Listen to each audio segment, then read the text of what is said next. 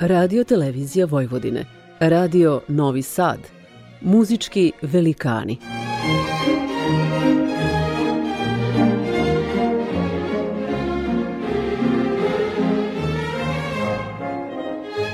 Urednik i voditelj Bogdan Đorđević.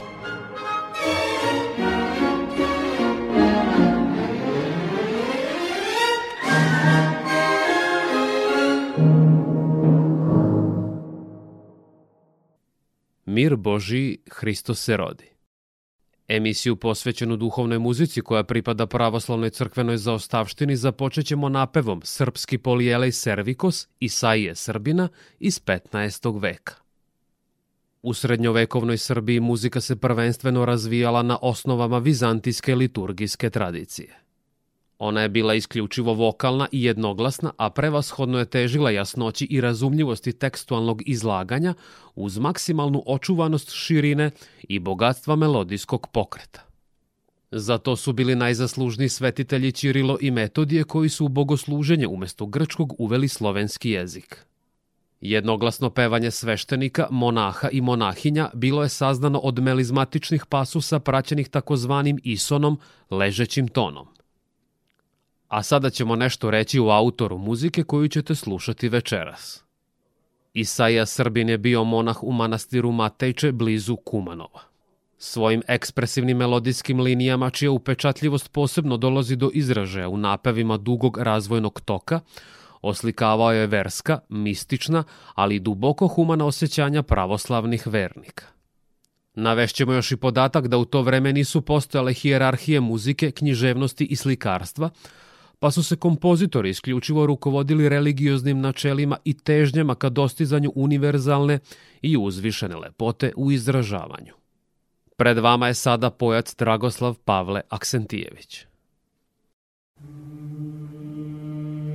Hvala.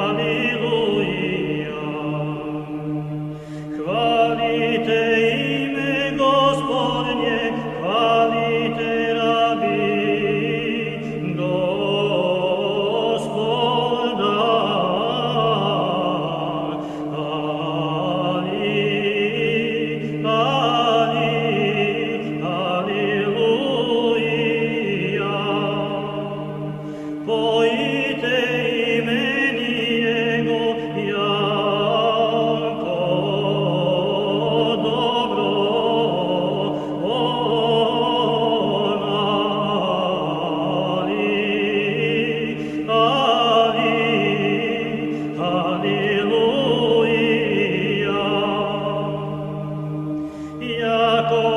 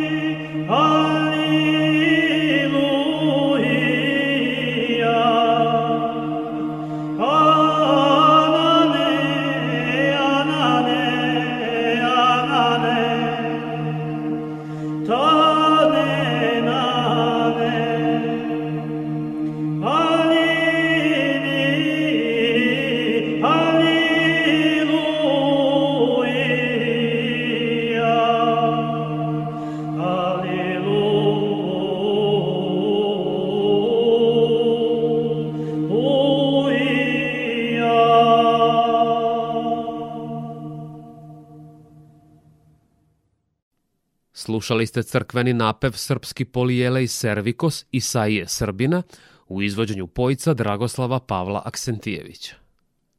Pripadajući jednom specifičnom duhovnom svetu, autori crkvene muzike poput Isaije Srbina stvarali su dela izuzetne lepote koje predstavljaju svojevrsni muzički ekvivalent srpskim srednjovekovnim freskama. Vi ste na talasima prvog programa radija Radio Televizije Vojvodine. U nastavku emisije Muzički velikani slušat ćete molitvu Tebe poem Stevana Stojanovića Mokranjca. On se u oblasti duhovne muzike kontinuirano bavio zapisivanjem crkvenog pojanja. Redigovao je osmoglasnik i objavio ga kao učbenik za potrebe studenta bogoslovije, u kojem je napisao vrlo iscrpan predgovor – Ta analiza karakteristika glasova crkvenih napeva smatra se prvom teorijskom studijom duhovne muzike u Srbiji. Mokranjčeva supruga Marija Predić, čiji je stric bio čuveni slikar Uroš Predić, sačuvala je veoma dragocene beleške o životu i radu ovog kompozitora, koje se danas nalaze u muzeju grada Beograda. Ostali deo zaostavštine Stevana Mokranjca čuvo se u njegovoj rodnoj kući u Negotinu. U narednim minutima slušat ćete molitvu Tebe poem u izvođenju hora Beogradski madrigalisti koje predvodi dirigent Aleksandar Brujić.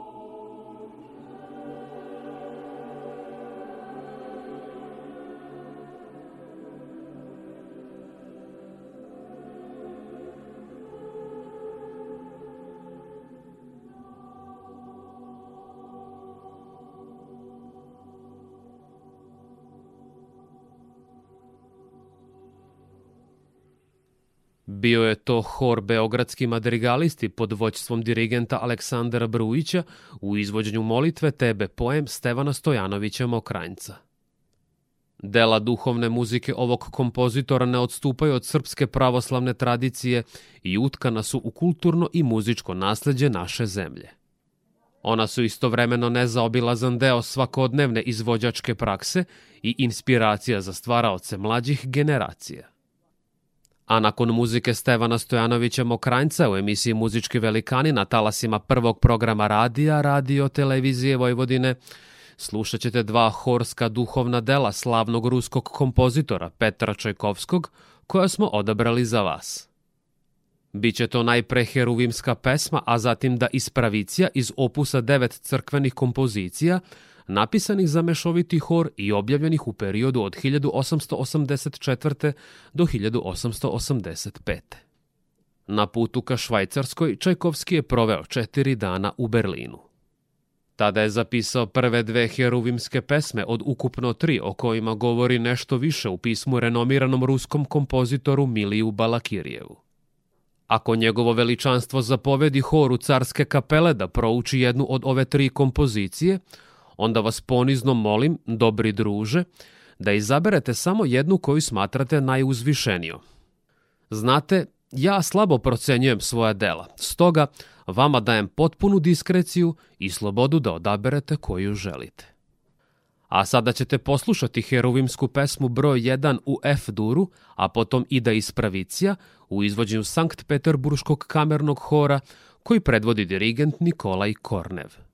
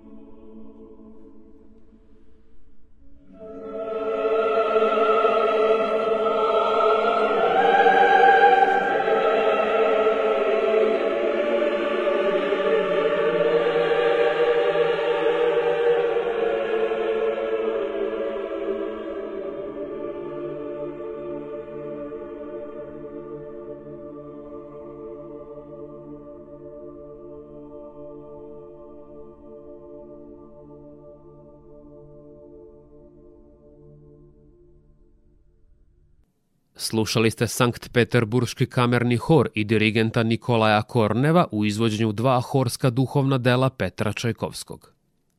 On je kao veoma uspešan kompozitor u oblasti svetovne muzike uticao i na rusku pravoslavnu crkvenu muziku i to na način koji se ne može podceniti i osporiti.